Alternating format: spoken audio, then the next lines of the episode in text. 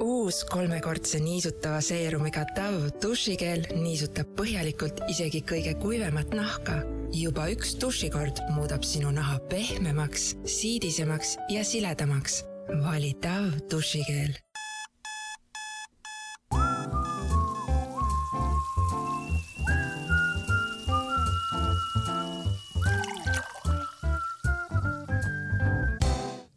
tere, hea Pere ja Kodu podcasti kuulaja. täna räägime sellisel olulisel teemal äh, nagu keskkonnahoid ja selleks on mulle külla tulnud liikumisest Fridays for Future Kertu. tere. tere, Kertu. sa tulid täna Tartust, eks ole? paari päeva eest tulin Tallinnasse Tartust, aga põhimõtteliselt jah. Äh, millega sa tegeled igapäevaselt? igapäevaselt õpin ülikoolis õigusteadust ja tegelen vabatahtliku tööga Fridays for Future'is kas õigusteaduse õppimine, õppimise mõte tuli siis ähm, sinu keskkonnaaktivismist? tuli hästi otseselt jah, et äh, me alustasime kahe tuhande kahekümnenda aasta kevadel koos teiste noortega kohtuasja sisuliselt Eesti riigi vastu äh,, täpsemalt Narva-Jõesuu linnavalitsuse vastu, et peatada õlitehase ehitamine. Ja selles kohtuasjas osaledes tekkis mul ka palju suurem huvi õigusteaduse ja eelkõige keskkonnakaitse õiguse vastu, nii et siis ma läksin seda õppima kas see huvi on kadunud, on see huvi siiamaani alles? huvi on alles ja, ja püsib. ja kas sellest, et sina õpid õigusteadust, on teie liikumises kasu? ma usun küll, sellepärast et äh, meie liikumine tegeleb hästi erinevate taktikatega, et me korraldame kliimastreike, mille poolest me oleme kõige tuntumad, aga me teeme ka palju muud, käime näiteks koolides rääkimas ja aeg-ajalt püüame tegeleda ka poliitika kujundamisega ja selle üks olulisi osi on see, et sa saad aru, mis on need õigusaktid ja dokumendid, millega seal poliitikas parasjagu tegeletakse. kuidas sinust sai kliimaaktivist? minust sai kliimaaktivist kuidagi üsna sujuvalt, ma ütleks, et äh, hästi suur pagas tuli kaasa kodust, sest et meie jaoks, nii palju kui mina vähemalt mäletan, on kodus alati olnud keskkonnahoid kuidagi oluline ühelt poolt, aga teiselt poolt ka hästi loomulik osa, et äh, lihtsalt see on minu jaoks olnud väiksest peale tavaline, et ma mõtlen selle peale, millise mõju ma oma tegevusega keskkonnale jätan, kas see on hea, kas see on halb, kuidas saaks paremini. ja siis kuskil põhikooli lõpus ma hakkasin ise rohkem huvi tundma keskkonnateemade vastu. alustuseks püüdis mu tähelepanu plastireostus, sest seda on hästi lihtne silmaga näha. hakkasin sellega tegelema ja kuidagi sealtkaudu jõudsin ka siis kliimamuutuste teemani. ja kui ühel hetkel hakkasid käima või toimuma kliimastreigid äh, üle Euroopa, siis mulle tundus pikalt, et see on asi, mida oleks Eestis vaja teha ja, ja siis leidsin teised noored, kes olid juba alustamas FFF-i liikumisega Eestis ja siis ma liitusin nendega, see oli siis kolm aastat tagasi. nii et sa põhimõtteliselt oled siis nagu kliimastreikide maaletooja või? no päris ei ole, selles mõttes, et selleks hetkeks, kui mina jõudsin teistega koos tiimi, siis teised olid juba alustanud korraldamist, aga ma olin seal üsna alguse lähedal. hästi, millega Fridays for Future siis tegeleb? me püüdleme selle poole et äh, aidata leevendada kliimakriisi ja mingil määral ka kohaneda selle tagajärgedega, sest kliimakriis ei ole asi, mis saabub meile tulevikus, vaid see toimub juba praegu ja põhjustab inimestele ja loodusele kannatusi juba praegu. Äh, tegeleme jah, nagu ma juba ütlesin, paljude erinevate taktikatega, et korraldame meeleavaldusi, iganädalasi, suuremaid ja väiksemaid, käime koolides rääkimas ja mujal, sellepärast et üks suur põhjus, miks me ei tegele ühiskonnas kliimamuutustega, on see, et me tegelikult ei tea, kui halb olukord on, nii et siis me püüame seda parandada. Äh, suhtleme ajakirjandusega, kirjutame arvamusartikleid ja nii edasi. ja jah, suhtleme poliitikutega, suhtleme teiste keskkonnaorganisatsioonidega, teeme koostööd, nagu juba nimetasin, kohtuasi. meil on üks tiim, kes tegeleb äh, gerilliaiandusega ehk et võtab linnas käsile kohti, mis, kus otseselt keegi nagu ei tegele nendega, need on sellised unarusse jäetud paigad, istutavad sinna erinevaid taimi, seemneid, püüavad neid niimoodi elule turgutada et jah äh,, ampluaa on päris lai mm. -hmm. sa oma perekonnast juba rääkisid natukene, äh, aga kuidas sinu sõbrad ja kaaslased, äh, kui hästi nad sinu muret mõistavad, kas on, on sul olnud klassikaaslaseid, kes üldse ei saa aru, millega sa tegeled? inimesi on hästi erinevaid, et aeg-ajalt kuidagi räägitakse näiteks, et justkui nagu noored oleksid hästi keskkonnateadlikud mis mulle ei tundu eriti õige, sellepärast et ka noori on nii erinevaid, rääkimata siis kõigist muudest vanusegruppidest, et ka noorte hulgas on neid, kes saavad keskkonnaprobleemide tõsidusest väga hästi aru ja tegutsevad nende leevendamiseks. ja täpselt siis on neid, kellel on juba tunne, et ah, kõik on niigi nii halvasti, pole midagi mõtet pingutada ja siis on neid, kellel on tunne, et no midagi oleks vaja teha, aga see, mida te FFF-iga teete, on täiesti kasutu. et äh, reaktsioon on üsna seinast seina. mis sind praeguse maailma juures kõige kurvemaks teeb? raske öelda, võib-olla no üks asi, mis teeb kurvaks, ma ei tea, kas kõige kurvemaks, aga see, kui vähe me teinekord hoolime inimestest ja ka nendest, kes ei ole inimesed. ja, ja et kui lühike meie perspektiiv on, et me suudame mõelda noh, heal juhul aasta või kaks ette ja me suudame võib-olla mõelda inimeste peale oma riigis, võib-olla ka Euroopa Liidus, aga mitte eriti kaugemale. et äh, see on, see on ühelt poolt raske, aga teiselt poolt sellest äh, saab, seda saab teha paremaks mm. -hmm. no heal juhul suudame me mõelda oma eluea lõpuni, aga sealt edasi on tavaliselt ikkagi keeruline mõelda juba, jah? no sealt edasi on keeruline mõelda, aga ma ikka ei näe väga palju inimesi, kes mõtleksid ette rohkem kui viis aastat no sellest on väga kahju. aga kas sinu elus oli mingi selline moment, kus sulle justkui jõudis kohale, kui halvasti meil on ja, ja, ja lootus kadus ja sa said aru, et võib-olla see tulevik, mida sa endale unistasid, võib-olla see, seda kõike ei saagi juhtuma? Ei ole väga palju tegelenud kunagi sellise väga pikalt etteunistamisega, vähemalt ma ei mäleta, et ma oleks seda teinud kuigi palju. aga ühel hetkel, kui ma olin aktivismiga tegelenud äkki umbes aasta, siis mulle jõudis kohale see, et mis iganes ma enne arvasin, et noh, see tüüpiline laste käest küsitav küsimus, et kelleks sa tahad suure, suureks saades saada.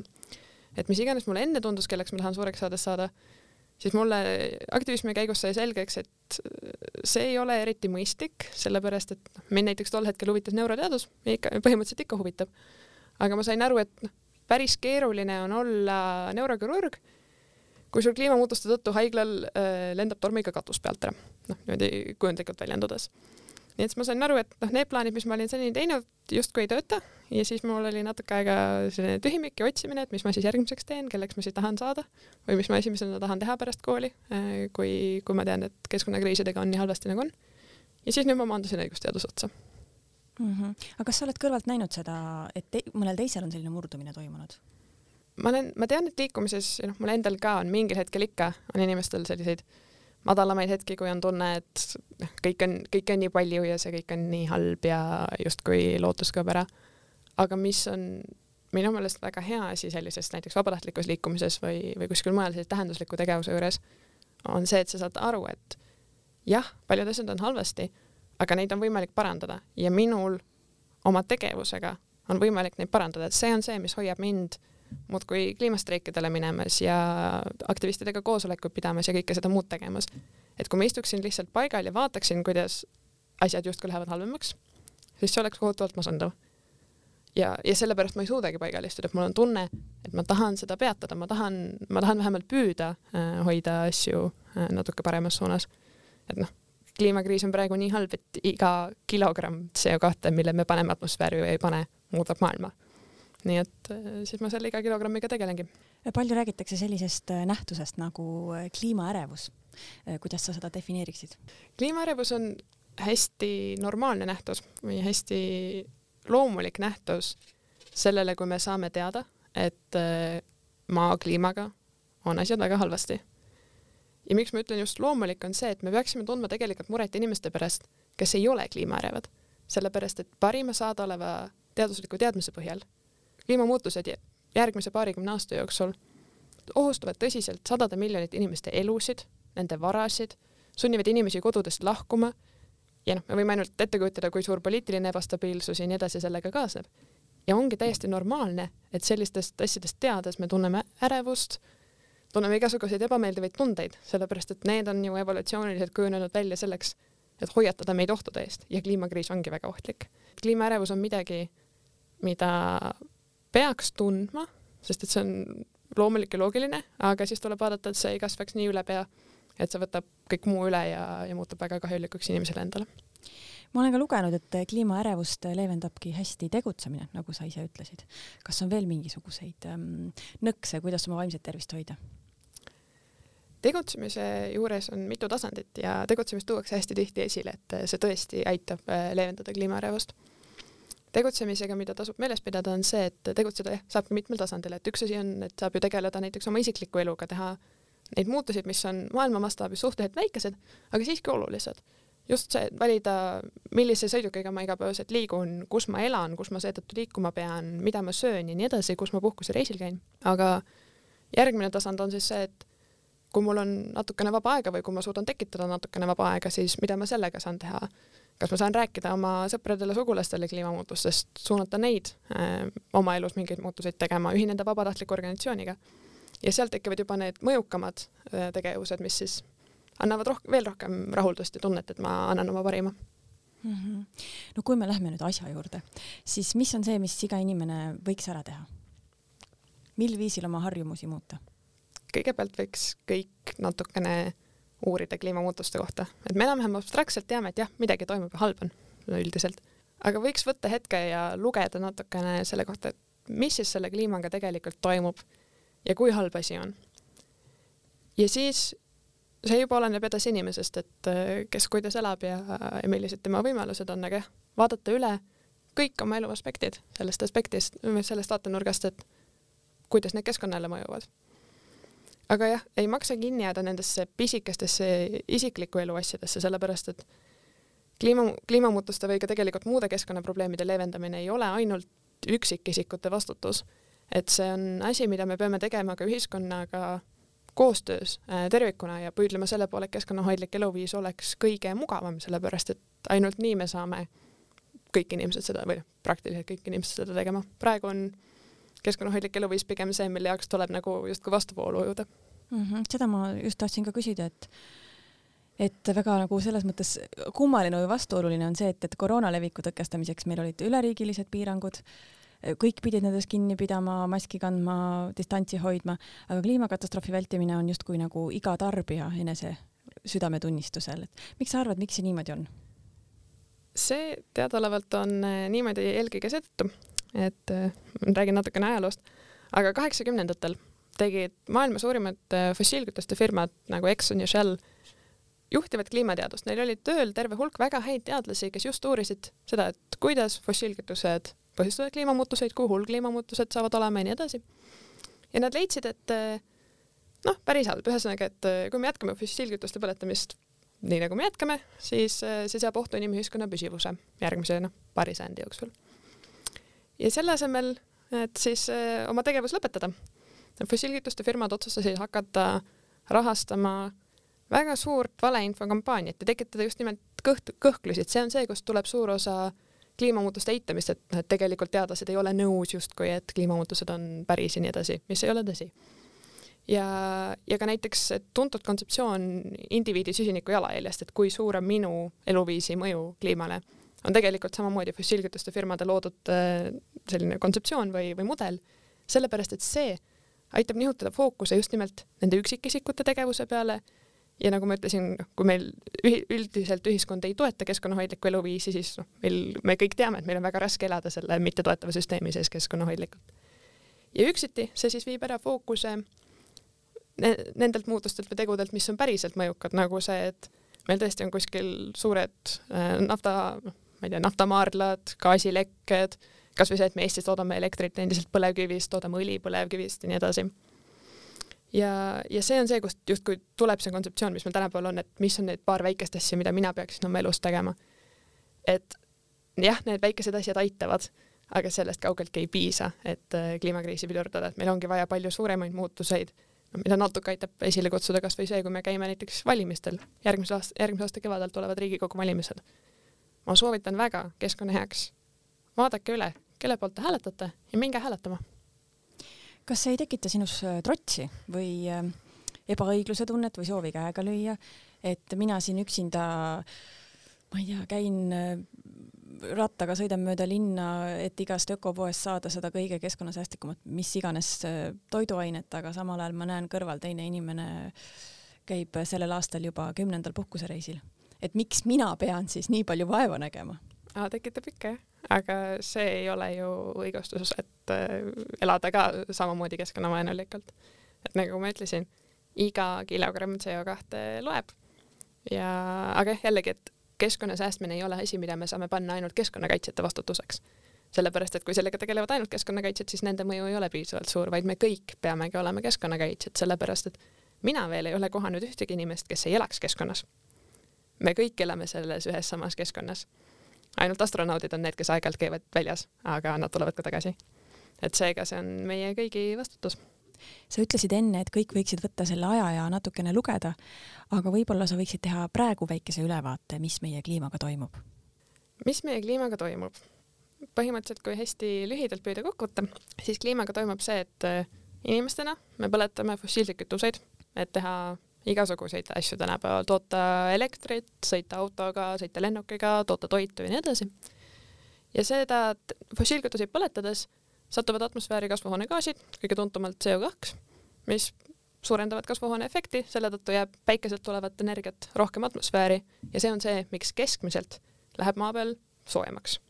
see, et keskmiselt läheb soojemaks, ei tähenda, et Eestis saaks mõnus kuurortpiirkond, kuhu inimesed tahaksid tulla suvel puhkama, vaid see, kuidas kliimamuutused näevad välja igas piirkonnas eraldi, on, on päris kirju pilt. Eesti puhul tähendab see hästi lühidalt kokku võetud ilmselt veel nirumat suusailma kui seni, ehk et nirumaid talvesid, vähem lund, rohkem vihma, rohkem pilvi. suvel, noh, siin lähevad äh, prognoosid natuke lahku, aga võib-olla ka muuhulgas rohkem kuumapäevi, kui äh, sureb inimesi, nagu me nägime juba ka näiteks eelmisel suvel. Et äh, see on selline lai pilt, et mis kliimamuutustega ja kliimaga toimub. selleks, et piirata kliima soojenemist, on vaja teha ühte asja, lõpetada fossiilsete kütuste põletamine. kõik nüüd, kuidas seda teha, on palju keerulisem, sellepärast et nagu ma ütlesin, fossiilkütustel põhineb nii suur osa sellest kõigest, mida me täna teeme. ehk et selleks, et reaalselt vähendada fossiilkütuste põletamist, me peame esiteks vähendama tarbimist, igasuguste ressursside energia tarbimist ja teiseks see, mida me siis ei suuda vähendada, see tuleks panna käima taastuvenergial. ja kui kiiresti oleks seda vaja teha? no hästi palju räägitakse ühe koma viie kraadi piirist ja kahe kraadi piirist. Need on muuhulgas ka näiteks Pariisi leppes kirjas, millele Eesti on alla kirjutanud. tänaseks päevaks on kliima juba soojenenud eh, natuke üle ühe kraadi. nii et see ruum on väga pisike, mis meil veel jäänud on ja eriti tuleb meeles pidada ka seda, et kliima soojenemist me tunneme natukese viitega, ehk et kui me lõpetaksime praegu fossiilkütuste põletamise ära, siis kliima soojeneks veel mõnda aega edasi nende kasvuhoonegaaside mõjul, mis me oleme juba atmosfääri pannud. Kui nüüd konkreetsemaks minna, siis selleks, et meil oleks võimalik hoida kliima soojenemist alla kahe kraadi, tuleb kogu maailmas hakata süsinikuheidet vähendama kiiresti enne kahe tuhande kahekümne viiendat aastat. praegu meil on kahe tuhande kahekümne teise aasta keskpaik. ehk et äh, sinna ei ole jäänud üldse eriti palju ja kui see meil ei õnnestu, siis soojeneb kliima rohkem kui kaks kraadi. mida see praktikas tähendab? on see, et sajad miljonid inimesed peavad minu eluajal jätma maha oma kodud, põgenema teise kohta. Paljud surevad sellepärast, et neil ei ole piisavalt toitu, joogivett, sest neil on liiga kuum, nagu näiteks on viimastel nädalatel olnud Indias ja Pakistanis kuumalaine kuskil stabiilselt viiekümne kraadi juures. ja, ja nii edasi et need muutused ulatuvad igale poole ja, ja sealhulgas Eestisse mm. -hmm. ja siis sinna juurde merevee taseme tõus ja, ja merevee taseme tõus, tugevamad tormid, tugevamad põuad, kahjurite levik, erinevate haiguste levik, uute haiguste saabumine. ja selliste probleemidega võivad kaasas käia sõjad, rahvusvahelised konfliktid. absoluutselt, et eh, noh, praegu on käimas sõda Ukrainas ja minu käest on aeg-ajalt ka küsitud, et kas me nüüd äkki, kui Ukrainas käib sõda, äkki me peaks lõpetama kliimamuutustest rääkimise ära, sest et sõda on olulisem, sellega tuleb enne tegeleda. aga üks suur põhjus, miks Venemaa saab pidada sõda Ukrainas, on see, et Euroopa riigid ostavad Venemaalt eh, fossiilkütuseid, naftat ja gaasi. ja sellega saab Venemaa väga olulise hulga oma sissetulekutest, mis võimaldab Venemaal pidada sõdu näiteks Ukrainas, aga ka Süürias. ja seega kui Euroopa Liit või noh, Euroopa riigid lõpetaksid ära fossiilkütuste ostmise Venemaalt, mis on nüüd tasakesi õnneks juhtumas. ja kui me ei asenda seda ka muude fossiilkütustega, vaid lähmegi üle taastuvenergiale, siis me teeme korraga kahte head asja. ühelt poolt ei anna me enam Venemaale raha sõjapidamiseks, teiselt poolt me enam nii palju ei süvenda kliimakriisi, mis omakorda hoiab jälle väiksemana tõenäosuse, et tulevikus tekivad sõjad kliimakriisi tõttu sa ütlesid, et oluline on minna valima. mida siis tuleks eh, valimisprogrammides jälgida, kui sina saaksid midagi Eesti poliitikas muuta, siis mida sa muudaksid? keskkonna koha pealt mina paneksin inimestele südamele, et eh, vaadake valimisprogramme muuhulgas ka keskkonna aspektist. mida see erakond lubab keskkonna suhtes või kas ta üldse midagi lubab? ja kui ta midagi lubab, siis kas te usute, et nad viivad selle ellu või see tundub selline moetrend, mille nad lihtsalt on sisse pannud, et näha ka hea välja. et eh, jah, vaadake, et kas nad lubavad laiendada autoteid või nad lubavad midagi muud. mida nad ütlevad, ma ei tea, metsa kohta, kas nad üldse näiteks ütlevad midagi kliimamuutuste kohta või nad ei kasutagi seda sõna. et eh, selliseid aspekte, aga samas tuleb alati meeles pidada, et kui me räägime Riigikogu valimistest, siis ampluaa, millega seal tegeldakse, on väga lai. nii et ka see, kui mõnel erakonnal või poliitikul on keskkonna suhtes head seisukohad, aga mõnes muus vallas väga halvad, siis ma ei ütle, et see on õige inimene, kelle poolt äh, hääletada, sellepärast et noh, ka keskkond on ju seotud nii paljude muude erinevate asjadega. Et tuleb leida mingisugune tasakaalukoht, aga tuleks vaadata ka keskkonda, sellepärast et praegu Eesti poliitikas praktiliselt puudub nõudlus hea keskkonnapoliitika järele. seda ütlevad ka poliitikud ise, kes isegi võib-olla ise saavad aru, et keskkonnaprobleemid on tõsised, aga nad ütlevad, et kuna valijatel on sellest üsna ükskõik, siis nad ei saa rääkida keskkonnast, sellepärast et siis ei valita neid tagasi, nad ei saa neid ideid ellu viia. kui sina peaksid täna astuma poliitikasse, siis mis oleksid need muutused, mis tunduksid sulle olulised ellu viia? Üks oluline muutus, mida tuleks ellu viia, oleks see, et Eestil oleks minu meelest vaja kliimaseadust. see tähendab, et äh, meil oleks vaja leppida kokku, mida me kliimamuutuste leevendamiseks ja kliimamuutustega kohanemiseks riigina teeme ja millal me teeme. sest praegu need eesmärgid on kirjas arengukavades, strateegiates, aga need on suhteliselt ebamäärased ja kellelgi ei ole kindlust, et neid täidetakse. et ma arvan, et kui need sätestatakse seadusega, nagu on tehtud paljudes Euroopa riikides ja mujal, siis see annaks inimestele kindlust juurde. kas kõik inimesed on võrdselt vastutavad äh, kliima soojenemise eest? see on asi, mida tihti eeldatakse justkui, et äh, kui me räägime, et inimesed peavad vähendama tarbimist, siis tundub, et näiteks kõik peaksid vähendama poole võrra aga see tegelikult ei ole üldse tõsi.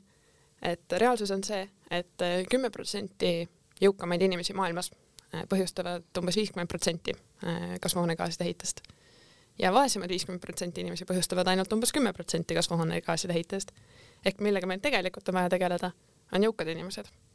ja Eestis tihti tundub, eriti kuna meile meeldib ennast võrrelda Põhjamaadega, kes on meist justkui veel jõukamad ja, ja tublimad ja edukamad, et siis meile tundub, et meil on veel nii palju minna, kuni me saame jõukaks reaalsus on see, et kui, kui inimesel on kinnisvara näiteks Tartus või Tallinnas, siis ta ilmselt kuulub maailma kümne protsendi rikkamate inimeste hulka. Ja seega ka Eesti inimesed on just nimelt need äh, enamasti, äh, kes peaksid tegelema enda tarbimise vähendamisega, see on siis isikliku elu aspekt. teiselt poolt on muidugi see, et on suur vahe, kas sa tegutsed äh, või kas sa töötad mõne, ütleme, fossiilkütuste firma äh, avalike suhete osakonnas ja püüad maailma veenda, kuidas tegelikult kliimamuutustega ei ole eriti halvasti, või sa töötad näiteks mõnes keskkonnaorganisatsioonis või vähemalt enda töökohal ja püüad seda muuta keskkonnahoidlikumaks. et äh, sealt tuleb ka see vastutuse erinevus. aga lisaks tuleks tähele panna ka seda, et kuidas kliimamuutused mõjutavad inimesi väga erinevalt. et äh, kliimamuutustele on haavatavamad inimesed äh, piirkondades, mis on näiteks mere ääres, sest et neid ohustab mereveetaseme tõus rohkem. üldiselt inimesed, kes on vaesemad, sellepärast et neil on vähem ressursse kolida teise kohta, osta endale konditsioneer, osta endale uued asjad, kui nad on need kaotanud mõnes tormis, mis on muutunud kliimamuutuste tõttu tugevamaks või midagi taolist. et, et kõike seda tuleb tähele panna, samuti ka see, et näiteks krooniliste terviseprobleemidega inimeste jaoks on kliimamuutused ohtlikumad kui keskmiselt teistele just nimelt, sest et neil on ka raskem minna teise kohta, kuumus on neile ohtlikum ja nii edasi. ja üldiselt see kipub minema seda joont pidi, et need, kes kliimamuutuseid rohkem põhjustavad, kannatavad nende käes vähem ja need, kes põhjustavad kliimamuutuseid väga vähe, kannatavad nende käes juba esimesena ja, ja ka juba praegu. ja see on tegelikult ka üks asi, mis mind motiveerib olema aktivist. et käega löömine noh, see üldse see mõte, et aga et kõik on nii frustreeriv ja raske, et siis lööks parem käega ja üldse midagi ei teeks.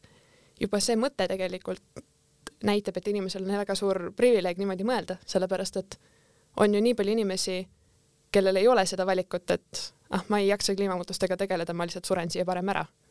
et eh, noh, jah, et see tuleb, tuleb meeles pidada, et meil Eestis on kliimamuutustega hetkel veel päris hästi kohalikult, et me ei tunne neid mõjusid veel nii teravalt oma nahal, kui tuntakse muudes paikades, mistõttu just nimelt me peaks tegelema kliimamuutuste leevendamisega, sest me saame.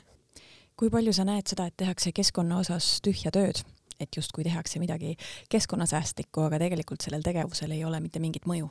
mulle meenuvad sellega esimesena igasugused laste sellised, no mingil määral nagu haridusprogrammid võib-olla, aga, aga just kuidagi need, et ma ei tea, meisterdame mingeid asju ja siis me oleme hästi keskkonnahoidlikud, aga siis keegi ei mõtle selle peale, et ma ei tea, kui me need asjad valmis meisterdame, siis mis me nendega pärast teeme ja lõpuks jõuavad, jõuavad ikka prügimäele või mingid sellised hästi mikroskoopilised asjad. ja noh, mis muidugi on ju väga palju, mis asju, mis lähevad otse rohepesu valdkonda.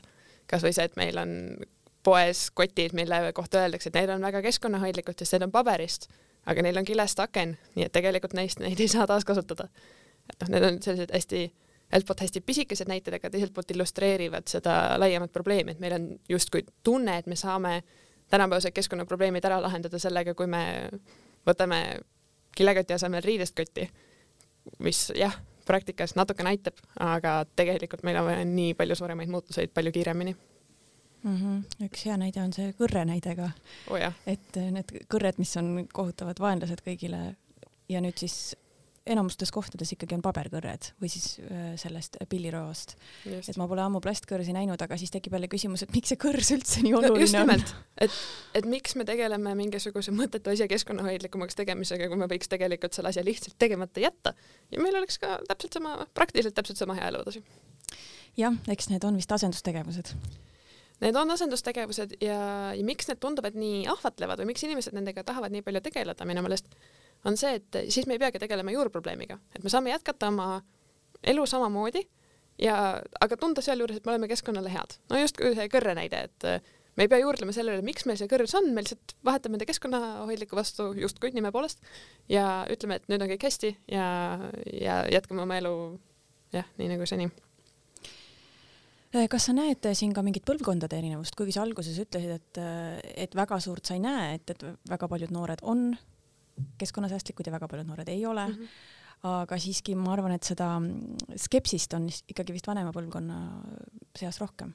põlvkondade vaheline erinevus on jah, see on selles mõttes keeruline, et ühelt poolt mina näen seda põlvkonda, kelle kohta just noh, tihti öeldakse, et noored teevad seda või noored teevad teist, et ma vaatan enda ümber ja näen neid noori. teiselt poolt, nagu ma juba enne ütlesin, et erinevad inimesed põhjustavad ju kliimamuutuseid erineval määral. et kui me mõtleme selle peale, kuidas kasvõi Eestis elati kolmkümmend, nelikümmend aastat tagasi, siis jah, materiaalselt elukvaliteet ei olnud kaugeltki nii hea, kui see on praegu. aga inimestel olid oskused, et äh, elada keskkonnahoidlikult, tarbida asjad lõpuni, olla säästlik, et äh, seesama säästlikkus, mõistlikkus on asi, mille poole me peame minema tagasi, et ma ei ütle, et me peame minema tagasi elama nii, nagu me elasime mõnikümmend aastat tagasi, seda ma kindlasti ei ütle.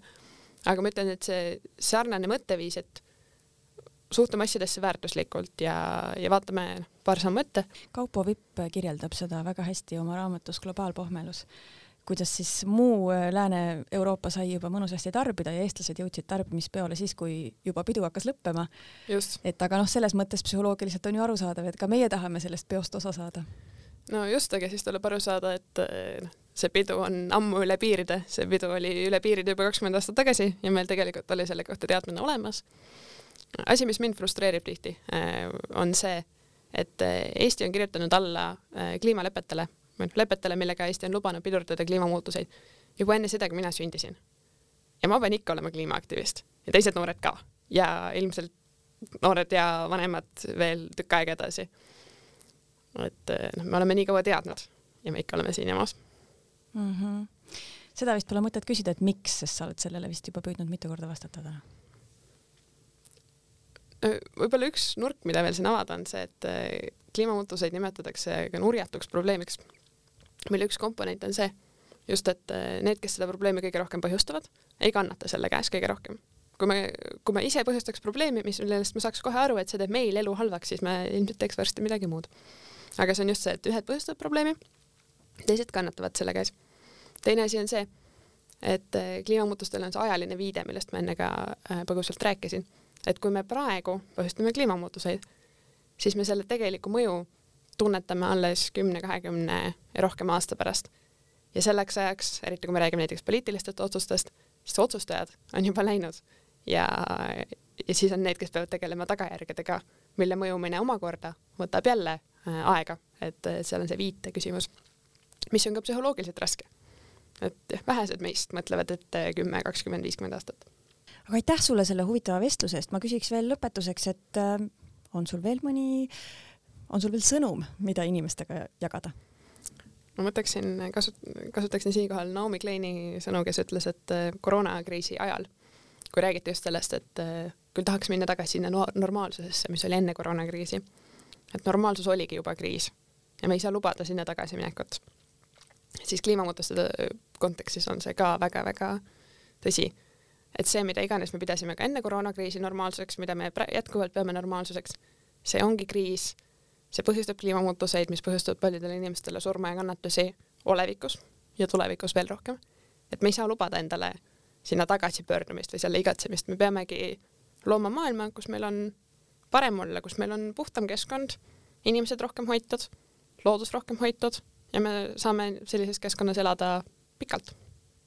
on sul äkki lugemissoovitusi, filmi, podcasti, raadiosaate soovitusi? sellest, mis ma enne rääkisin, et kuidas kaheksakümnendatel äh, fossiilkütuste firmad äh, tekitasid selle kogu vandenõu, siis selle kohta on päris hea raamat Nathaniel Richard.